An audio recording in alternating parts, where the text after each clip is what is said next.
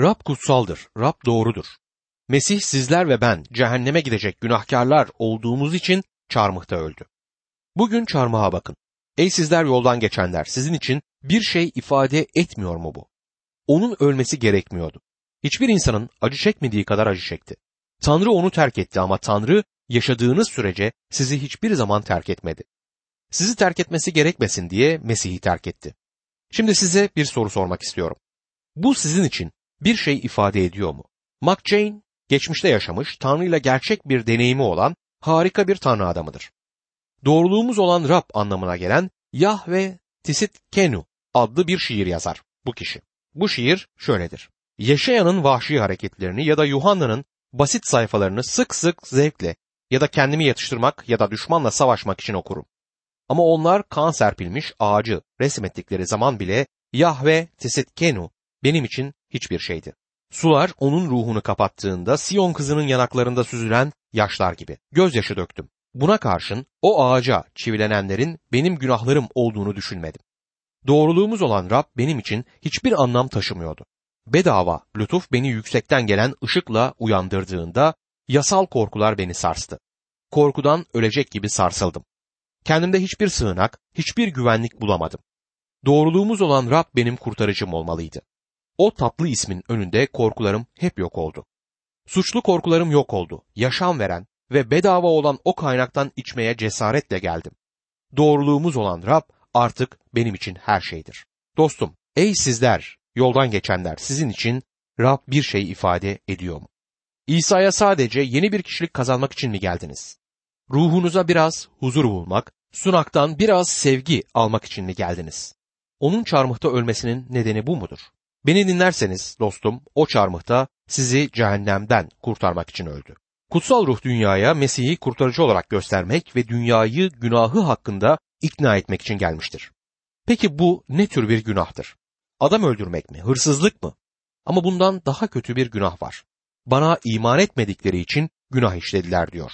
Yuhanna 16. bölüm 9. ayet. Çünkü bana iman etmezler. Tanrı'nın hırsız için bir çaresi var. Çarmıhtaki hırsız kurtulmuştu. Bence Elçi Paulus adam öldürmekten suçluydu. İstefan'ın öldürülmesinden sorumluydu ama kurtuldu. Musa da adam öldürmüştü. Tanrı'nın katil, hırsız ve yalancı için çaresi vardır. Ama İsa Mesih'i reddeden birisi için çare yok. Bu işleyeceğiniz en büyük günahtır. Mesih'i reddetmek bir hareketten çok fazlasını taşır. Mesih'i reddetme işini hiçbir zaman yapamazsınız ama Mesih ve onun sizin için yapmış olduğu her şeyin sizin için tamamıyla anlamsız olduğu bir noktaya gelebilirsiniz. Tanrı Yeremya'ya seni dinlememeleri seni rahatsız etmesin dedi Yaruşilim için. Eğer Musa, İlyas ya da Samuel burada olup onlar için dua etseydi onların dualarını da yanıtlamazdım. Artık çok geç. Çizginin öbür tarafına geçtiler dediği yere ulaşmıştı.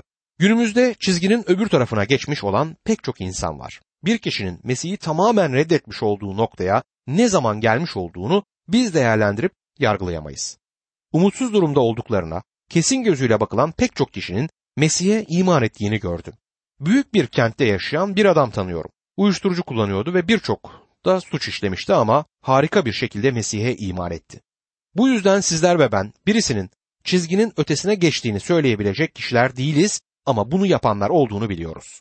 Yarışilim Tanrı'yı reddetmişti. Bir birey Tanrı'yı reddedebilir. İsa Mesih sizin için ne ifade ediyor? Onun ölümü sizin için ne ifade eder?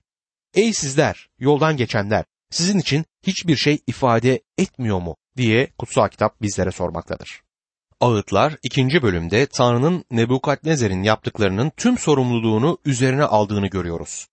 Ağıtlar 2. bölüm 5. ayette şöyle der. Rab adeta bir düşman olup İsrail'i yuttu. Bütün saraylarını yutup surlu kentlerini yıktı. Yahuda kızının feryadını, figanını arşa çıkardı. Tanrı Nebukadnezer'in Yarışilim şehrini yakıp yıkmasına izin vermişti. Tanrı onu sopası olarak kullandı. Tıpkı Asurluları İsrail'i cezalandırmakta kullandığı gibi. Kendi hayatınızda Tanrı'nın neden bazı insanların yolunuza çıkmasına izin verdiğini hiç düşündünüz mü? Bu insanlarla hiç tanışmamış olmayı isterdiniz değil mi? Düşmanlarınız olduğunu söyleyebileceğiniz bazı insanlar var mı? Birisi size acı çektirmiş olabilir ama bunların hepsi onun amacının gerçekleşmesi içindir. Tanrı bütün bunlara belirli bir amaç için izin vermiştir. Yaşamınızda Tanrı'nın elini görmeyi öğrenin. Ağıtlar 2. bölüm 7. ayet. Rab sunağını attı. Tapınağını terk etti. Siyon saraylarını çeviren surları düşman eline bıraktı. Bayram gününde olduğu gibi düşman Rabbin tapınağında sevinç çığlıkları attı diyor. Tanrı'nın bereketlediği tapınak, yapılırken ölçülerini verdiği, bir zamanlar varlığının orada olduğu tapınak için şimdi Tanrı o tapınaktan nefret ettiğim gün geldi der. Kiliseye giden insanların kendi yaşamlarını araştırması gerektiğini düşünüyorum. Siz kiliseye gidebilirsiniz. Bu Tanrı'nın hoşlandığı bir şey midir? Yoksa aslında Tanrı'nın amacına zarar veren bir durum haline gelebilir mi? Kiliseye giderken doğru bir noktada mısınız yoksa eleştiriler içinde misiniz? Tanrı'nın ruhu sizi kullanabiliyor mu? Kiliseye gitmenin günahlı bir şey olabileceğine zaman zaman inanabilirim. İsa'nın tutuklandığı gece en tehlikeli yerin neresi olduğunu biliyor musunuz? Onun ölümünü planlayan o adamların olduğu yer miydi? Hayır dostum. O gece en tehlikeli yer İsa Mesih'in bulunduğu o üst kattaki odaydı. Neden biliyor musunuz? Şeytan oradaydı. Yahuda İskaryot'un kalbine onu ele vermeyi koydu ve Simon Petrus'un kalbine de onu inkar etmeyi bıraktı. Sadece kiliseye gitmeniz Tanrı'yı hoşnut ettiğinizi göstermez. Ağıtlar 2. bölüm 10. ayette Sion kızının ileri gelenleri suskun yere oturmuş. Başlarına toprak saçıp çul kuşanmışlar. Yaruşilim'in erden kızları yere eğmiş başlarına diyor. Bütün halk dıştan acı çektiklerini gösteren hareketlerde bulunuyordu ama Yeremya'nın nasıl etkilendiğine dikkat edin. Ağıtlar 2. bölüm 11. ayet. Gözlerim tükenmekte ağlamaktan, içim kanıyor. Halkımın yıkımından yüreğim sızlıyor. Çünkü kent meydanlarında çocuklarla bebekler bayılmakta diyor.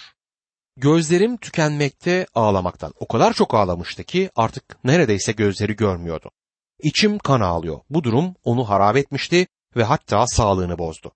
Durumla çok yakından ilgiliydi ve kalbi paramparça olmuş bir durumdaydı. Kaçımız Tanrı'nın işiyle gerçekten ilgilenmeye razıyız? Sağlığımızı tehlikeye atmaya razı mıyız? Kendimizi Tanrı'ya teslim etmeye hazır mıyız? Ağıtlar 2. bölüm 15. ayet. Yoldan geçen herkes el çırparak seninle alay ediyor. Yarışilim kızına baş sallayıp ıslık çalarak bütün dünyanın sevinci, güzellik simgesi dedikleri kent bu mu diyorlar. Surların dışındaki düşmanlar Yarışilim'in kederinden ötürü çok sevinçlidir. Bazen günümüz batı dünyasındaki kilisenin durumu hakkında konuşurken sertleşmemek elde değil. Bazen kendi kendime hizmetteki kardeşlerimle ne kadar ilgilendiğimi sormam gerekiyor. Günümüz kilisesinde sorunları gördüğümde bu benim için ne anlama geliyor? Tribünlerdeki eleştirmen olarak mı oturuyorum yoksa durum benim yüreğimi de parçalıyor mu? Yüreğimin parçalandığını söyleyebilirim ve kutsal kitabı vaaz eden birçok harika vaize cesaret veren biri olmak istiyorum. Bütün bunlar bizi fazla ilgilendirmediğinde eleştirilerimizde fazla katı olmamız çok kolay olur. Yeremya'nın Ağıtları adlı bu kitabın bölümlerinin her biri akrostiş şeklinde yazılmıştır. Yani her dizinin ilk harfi yukarıdan aşağıya okununca ortaya bir söz çıkacak şekilde düzenlenmiştir bu metin. İbrani alfabesinde 22 harf bulunur ve 22 ayetin her biri bir sonraki harfle başlar. Ancak bu bölümde 66 ayet vardır. Bu da alfabenin her harfiyle başlayan üçer ayet olduğu anlamına gelir. Ağıtlar 3. bölüm 1 ila 4. ayetler arasında şöyle yazar. Rabbin gazap değneği altında acı çeken adam benim. Beni güttü, ışıkta değil karanlıkta yürüttü. Evet dönüp dönüp bütün gün bana elini kaldırıyor. Etimi derimi yıprattı, kemiklerimi kırdı. Bu Yeremya'nın nasıl sıkıntılar yaşadığını bize gösterir. Yarışilime olan ilgisi yüzünden sağlığı bozulmuştu. Yeremya ulusun başına gelen yıkımdan çok çok fazla etkilenmişti. Size söylemiştim diyerek dolanıp durmuyor. Aslında kalbi paramparçaydı.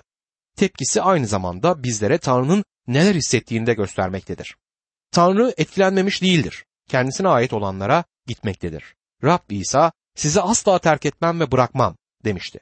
Şu anda her ne sıkıntıdan geçiyorsanız geçin, onun yanınızda olduğundan emin olabilirsiniz. Çünkü bu onun vaadidir. Ağıtlar 3. bölüm 21 ila 24. ayetler arasında ise ama şunu anımsadıkça umutlanıyorum.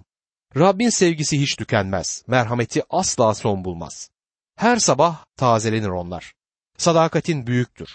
Benim payıma düşen Rab'dir diyor canım. Bu yüzden ona umut bağlıyorum. Yeremya'nın ağıtlarının son üç bölümüne bir başlık koymam gerekseydi adı yarınlar dün olduğunda olurdu. Yeremya şimdi geçmişe bakar. Yarışilim'in üzerine gelen yargıyı önceden bildirmişti ve Yeremya bu ağıtı yazarken Yarışilim'in harabeleri ve yıkıntıları içinde ağlayarak oturmaktaydı. Şu ayetler beş ağıtın da tek parlak noktasıdır. Rabbin sevgisi hiç tükenmez, merhameti asla son bulmaz. Her sabah tazelenir onlar, sadakatin büyüktür.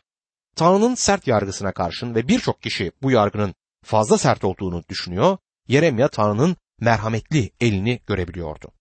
Eğer Tanrı'nın merhameti olmasaydı tamamen yok olabilirlerdi. Eğer hak ettikleri cezayı alsalardı tamamen yok edileceklerdi. Yeryüzünden tamamen silinip gideceklerdi. Yahuda'nın böylesi bir durumdan kurtulması kendilerinde olan bir şeyden ötürü değildi. Hayır. Tanrı'nın sadakatinden dolayı bu böyle oldu. Tanrı İbrahim'e kendisinden bir ulus çıkartacağını vaat etmişti. Ve o ulus işte bu ulustu. Tanrı Musa'ya onları vaat ettiği diyara götüreceğini vaat etti. Yeşu'ya onları burada yerleştireceğini vaat etmişti. Davut'a soyundan tahtında sonsuza dek hüküm sürecek birinin geleceğini vaat etti. Peygamberlerin hepsi Tanrı'nın halkını tamamen yok etmeyeceğini ama onları günahlarından ötürü yargılayacağını söylemişti. Tanrı sadıktır. Onları yargılamıştır ama onları tamamen yok etmeyecektir. Sadık bir küçük grup her zaman var olmuştur ve sonuç olarak bunlar büyük bir ulus olacaklardır. Ağıtlar 4. bölümde Yarışlim'in kalıntıları ve külleri içinde oturan Yeremya, şehrin yıkımının ve halkın Nebukadnezar tarafından götürülüşünün ne kadar korkunç olduğunu anlattığı bir resim gibidir. O kadar dehşet doludur ki ben belki de böylesi bir hüküm günü mesajı vermekten uzak durmaya ayartılabilirdim. Ama Tanrı'nın bir sevgi tanrısı olmanın yanı sıra doğru bir tanrı olduğu gerçeğini kabul etmemiz gerekiyor. Tanrı günahı yargılar ve bunu yapmakta doğru ve adildir. Yahuda Tanrı'nın merhametinden ötürü tam yargı almalıydı. Habakuk peygamber Habakuk 3. bölüm 2. ayette şöyle diyor. Öfkeliyken merhametini anımsa. Tanrı merhametli olmayı hiçbir zaman unutmaz. Eğer Tanrı'nın yoluna gelirlerse Tanrı halkı için her zaman bir kaçış, bir çıkış yolu vardır. Ağıtlar 4. bölüm 1 ve 2. ayetlerde şöyle yazar. Altın nasıl donuklaştı, saf altın nasıl değişti. Kutsal taşlar sokak başlarına dağılmış. Değerleri saf altınla ölçülen Siyon çocukları nasıl çömlekçi işi toprak testi yerine sayılır oldu. Yeremya altını Siyon delikanlılarıyla kıyaslamaktadır. Altın kaplar gibi olan İsrail'in en iyi delikanlıları şimdi toprak testiler gibi olmuşlar ve kırılmışlardır. Savaşın dehşet verici yanı ulusun en iyi delikanlılarını yok etmesidir. Biz insanlar genelde gururluyuz. İnsanlara son zamanlarda kendi haklarında iyi şeyler düşünmeleri söylenmektedir. Her sabah kalktığınızda aynaya bakıp seni seviyorum demeyi öğreten bir Mesih inanlısı psikolog olduğunu duydum. Kutsallardan çoğuna böyle bir şey söylenmesine gerek yoktur çünkü onlar kendilerini zaten severler. Elçi Paulus bizlere kendimize gereğinden fazla değer vermeyelim diye öğütler. Yani elçi burada kendimize ne gereğinden az ne de fazla değer vermememizi bildirmektedir. Kendimize gereğinden fazla değer verirsek sadece topraktan kaplar olduğumuzu görürüz. İkinci Timoteus'ta Elçi Paulus inanlıyı toprak bir kaba benzetir.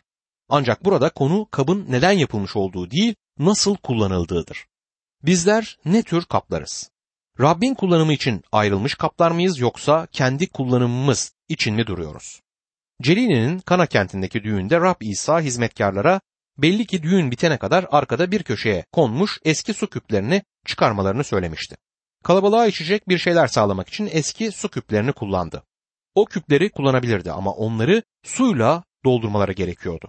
Su Tanrı sözüdür. Bizler eski su küpleri olarak Tanrı sözüyle dolduğumuzda Tanrı bizi kullanabilir. Yahuda delikanlıları Tanrı'ya hizmet etmiyorlardı ve şimdi sadece kırık testiler gibiydiler. Bu oldukça trajik bir resimdir. Ağıtlar 4. bölüm 4. ayette susuzluktan emzikteki bebeklerin dili damağına yapışıyor. Çocuklar ekmek istiyor, veren yok der. Yarışilim'in Nebukadnezar tarafından kuşatılması korkunçtur. Halk şehrin içerisinde kısılmış bir durumda kaldı. Teslim olmak yerine direndiler ve küçük bebeklerinin öldüğünü gördüler. Shakespeare, Lady Macbeth'te meme verdim ve sütümü emen bir bebeğin sevgisinin ne kadar yumuşak bir şey olduğunu biliyorum. Eğer senin gibi yemin etseydim bebek benim yüzüme gülümserken mememi onun dişsiz ağzından çekip beynini dağıtmak isterdim diyor. Bu korkunçtur ama bu insanların yaptığı korkunç işlere parmağınızı uzatmayın. Çünkü dostum günümüzde çocuk aldırmak küçük çocukları öldürmektir. Ağıtlar 4. bölüm 5. ayette onlar ki yemeğin en iyisini yerlerdi. Sokaklarda perişan oldular. Onlar ki al giysiler içinde büyüdüler. Çöp yığınlarını kapışır oldular diyor. Evet, lüks bir hayat yaşamışlardı.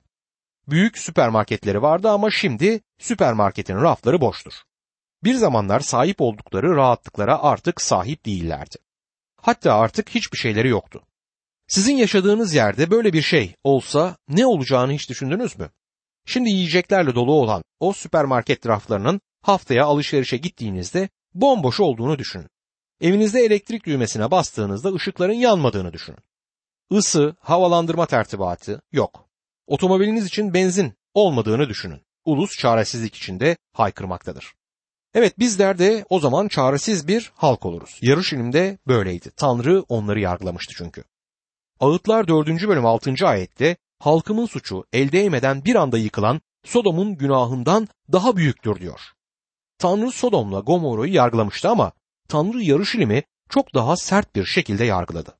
Neden? Çünkü Yarışilim'in günahı Sodom ve Gomorra'nın günahından daha büyüktü. Sodom ve Gomorra cinsel ahlaksızlıklar yüzünden homoseksüelliklerden ötürü yok edilmişti. Bu çok kötü bir günahtır ama bundan daha kötü bir şey var. Bir insanın kilisede oturup müjdeyi işitip bu konuda hiçbir şey yapmaması çok daha kötüdür. Bu yayınları dinleyen bir kişi böyle biri olabilir. İsa Mesih sizin için öldü. Tanrı bugün size karşı merhametlidir ve siz ona sırtınızı döndürüz. Tanrı yargıladığında sizin yargınız Afrika'daki putperestlerden ya da uzak adalarda yaşayan insanlarınkinden daha sert olacak. Uzaklarda yaşayan Tanrı'yı tanımayan kişiler yerine kendi geleceğiniz hakkında endişe edin. Tanrı'nın İsa Mesih'teki lütuf sunusuna nasıl karşılık verdiğinizi düşünün. Ağıtlar 4. bölüm 7. ayette beyleri kardan temiz, sütten aktılar. Bedence mercandan kızıl, lacivert taşı kadar biçimliydiler diyor. Oldukça güzel göründüklerini anlıyoruz. Günümüzde din iyi görünmektedir. Günümüzde yeni kiliseler var. Yeni tapınaklar ve futbol, basketbol sahaları olan güzel Mesih inanlı eğitim kuruluşları var. Şölenler için güzel odaları var bu yerlerin. Dışarıdan bakınca her şey çok güzel görünüyor. Şimdi Yeremya kahinlerin gönüllü bir adanmışlık yemini ettiğini söyler. Pek çok kişi bunu yapıyordu. Bildiğiniz gibi bu kişilere iltifat edilirdi ve bu durum çok güzel görünürdü ama bunların hepsi dışsal uygulamalardı. Yürekleri değişmemişti. Güzel kiliseler olması harika olduğu halde ki ben onlara karşı değilim bana oldukça heyecan verirler. İnsanlar içlerinde İsa Mesih'te yeni yaratıklar olmadıklarında bu durum trajiktir. Yine aynı günahları işlerler. Yeremya Yahuda halkını bize böyle tasvir eder. Ağıtlar 4. bölüm 9. ayette kılıçla öldürülenler kıtlıktan ölenlerden mutludur. Çünkü kıtlıktan ölenler tarla ürününün yokluğundan yıpranarak erimekteler diyor. Yeremya Yaruşilim'in ve ölenlerin korkunç yıkımına tanık olduğu halde yaşamaktansa ölmeyi tercih ettiğini söyler. Çünkü yaşayanların durumu çok kötüydü. Ağıtlar 4. bölüm 10. ayette merhametli kadınlar çocuklarını elleriyle pişirdiler. Halkım kırılırken yiyecek oldu bu kendilerine diyor. Titus Yarışilim'i yakıp yıktığında da aynı şey gerçekleşmişti. Halk o kadar açtı ki annelerin çocuklarını yemek üzere teslim etmeleri gerekmekteydi. Geriye bakıp bunun çok korkunç bir şey olduğunu düşünüyoruz ama günümüzde pek çok anne kürtaj yaptırmaktadır. Yani bebeklerini resmen öldürürler. Eğer bebek istemiyorsak bebek bir gerçek olmadan önce davranışlarımızın sorumluluğunu üzerimize almamız gerekir. Tanrı bizleri dünyaya bebek getirebilir kapasitede yaratmıştır ve bir bebeğe hamile kalındığında Tanrı o çocuğun dünyaya gelmesini ister. Bir çocuğa hamile kalındığında o çocuk artık bir kişidir ve kürtaj yaparak hamileliğe son vermek bir insanı öldürmektir. Ağıtlar 4. bölüm 13. ayette peygamberlerinin günahı kahinlerinin suçu yüzündendi bu. Çünkü onlar kentin ortasında doğruların kanını döktüler diyor. Sahte peygamberler ve kahinler halka gerçeği söylemedikleri için adam öldürmekten suçludurlar. Tanrı durumu böyle değerlendirir. Tanrı sözünü bildirmeyen ve insanlara nasıl kurtulabileceklerini söylemeyen bir vaiz işte bu sınıfa girer. Bunu ben söylemedim, bunu Tanrı söylüyor. Tanrı eğer Tanrı sözünü bildirmezseniz suçlu olduğunuzu söyler. Ağıtlar 4. bölüm 16. ayette Rab kendisi dağıttı onları. Artık yüzlerine bakmayacak. Kahinleri saymadılar, yaşlılara acımadılar diyor. Halk Tanrı sözünü veren kahinlere kulak asmadı. Yeremye Tanrı'nın bir peygamberiydi ve onu önemsemediler. Tanrı halkı bundan ötürü yargıladı. Ağıtlar 4. bölüm 17. ayette boş yere yardım beklemekten gözlerimizin feri sönüyor. Gözetleme kulesinde bizi kurtaramayacak bir ulusu bekledikçe bekledik diyor. Bu çağdaş İsrail ulusunun öğrenmesi gereken bir olaydır. Onları ülkelerine 1948'de Tanrı koymadı. Onları Birleşmiş Milletler oraya koydu ve bir ulus yaptı. O zamandan beri de bir an huzur içinde yaşamadılar. Sürekli savaş oldu. Tanrı'ya dönmediler ve Tanrı onları diyarlarına geri döndürmedi. Beni yanlış anlamayın. Bence Yahudilerin İsrail'e dönüşü harikadır. Bir yorumcu Doktor Albright şöyle diyor. 70 yıl sürgüne giden bir ulusun ulusal hayatını devam ettirmek için geri dönmesi ve neredeyse 600 yıl sonra aynı ulusun bütün dünyaya 2000'e yakın yıl boyunca dağılıp da kimliğini kaybetmemiş olması dünya tarihi kayıtlarında eşi benzeri olmayan bir durumdur. Tanrı'nın bu ulusun tarihinde işleyişini görmek birçok kişinin ona iman etmesine neden olmuştur. Rab Yahuda'nın sorununun yardım için Mısır'a bakmakta olduğunu söyler ve Mısır onlara yardımcı olmadı. Mısırlılar onların düşmanıydı. Batı dünyası İsrail'e vermesi gereken şeyin makineler değil Tanrı sözü. Onların bizlere yıllar önce vermiş oldukları Tanrı sözü olduğunu kabul etmelidirler. Ağıtlar 4. bölüm 20. ayette yaşam soluğumuz Rabbin meshettiği kral onların çukurunda yakalandı. Hani onun için ulusların arasında onun gölgesinde yaşayacağız dediğimiz diyor. Bu sözler o halkın bugünkü durumunda çok güzel resmeder. Ulusların arasına dağılmış durumdadırlar. Ağıtlar 4. bölüm 22. ayette Ey Siyon kızı! Suçunun cezası sona erdi. Rab bir daha seni sürgüne göndermeyecek ama ey Edom kızı! Suçun yüzünden seni cezalandırıp günahlarını ortaya çıkaracak diyor. Tanrı yargıdan sonra onları kalıcı bir şekilde diyarlarına yerleştireceğine söz vermiştir. Beşinci ve son ağıt Yeremya'nın bir duasıdır. Ağıtlar 5. bölüm 1. ayet. Anımsa ya Rab başımıza geleni, bak da utancımızı gör. Yahuda uluslar arasındaki onurunu ve saygınlığını kaybetmişti. Ağıtlar 5. bölüm 11 ila 13. ayetler arasında ise Siyon'da kadınların, Yahuda kentlerinde erden kızların ırzına geçtiler. Önderler ellerinde asıldı, yaşlılar saygı görmedi. Değirmen taşını gençler çevirdi, çocuklar odun yükü altında tökezledi diyor.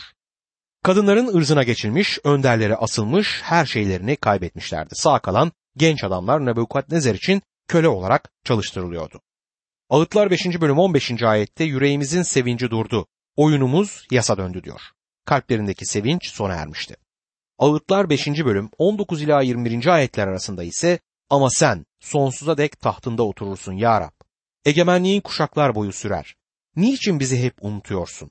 Neden bizi uzun süre terk ediyorsun?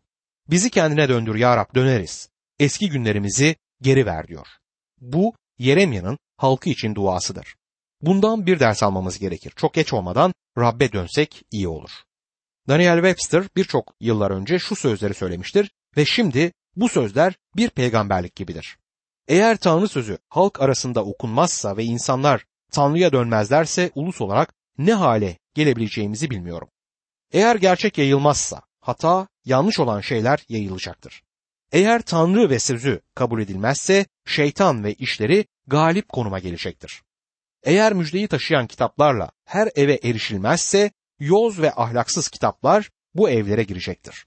Eğer müjdenin gücü ülkenin her yanında hissedilmezse anarşi, kötü yönetim, alçaltılma, huzursuzluk, üzüntü, yozluk ve karanlık hiç azalmadan ve bitmeden hüküm sürecektir. Ne kadar canlı bir resim çizilmektedir değil mi? Tanrı sözüne önem verilmediği bir dönemde yaşıyoruz ama pornografiye izin var. Çünkü istediğimizi yapmakta serbest olmalıyız değil mi? Değerli kutsal kitap yorumcusu Doktor Vernon McGee diyor ki 1775'ten 1787'ye kadar olan dönemde Amerika kurulduğunda Benjamin Franklin'in aşağıdaki sözleri hala yaygın bir biçimde kabul ediliyordu. Yaşadıkça Tanrı'nın insanların hayatlarını yönettiği gerçeğinin kanıtlarını daha çok görüyorum. Amerika Birleşik Devletleri'nde büyük bir değişiklik olmazsa sonu eski Babil gibi olacaktır.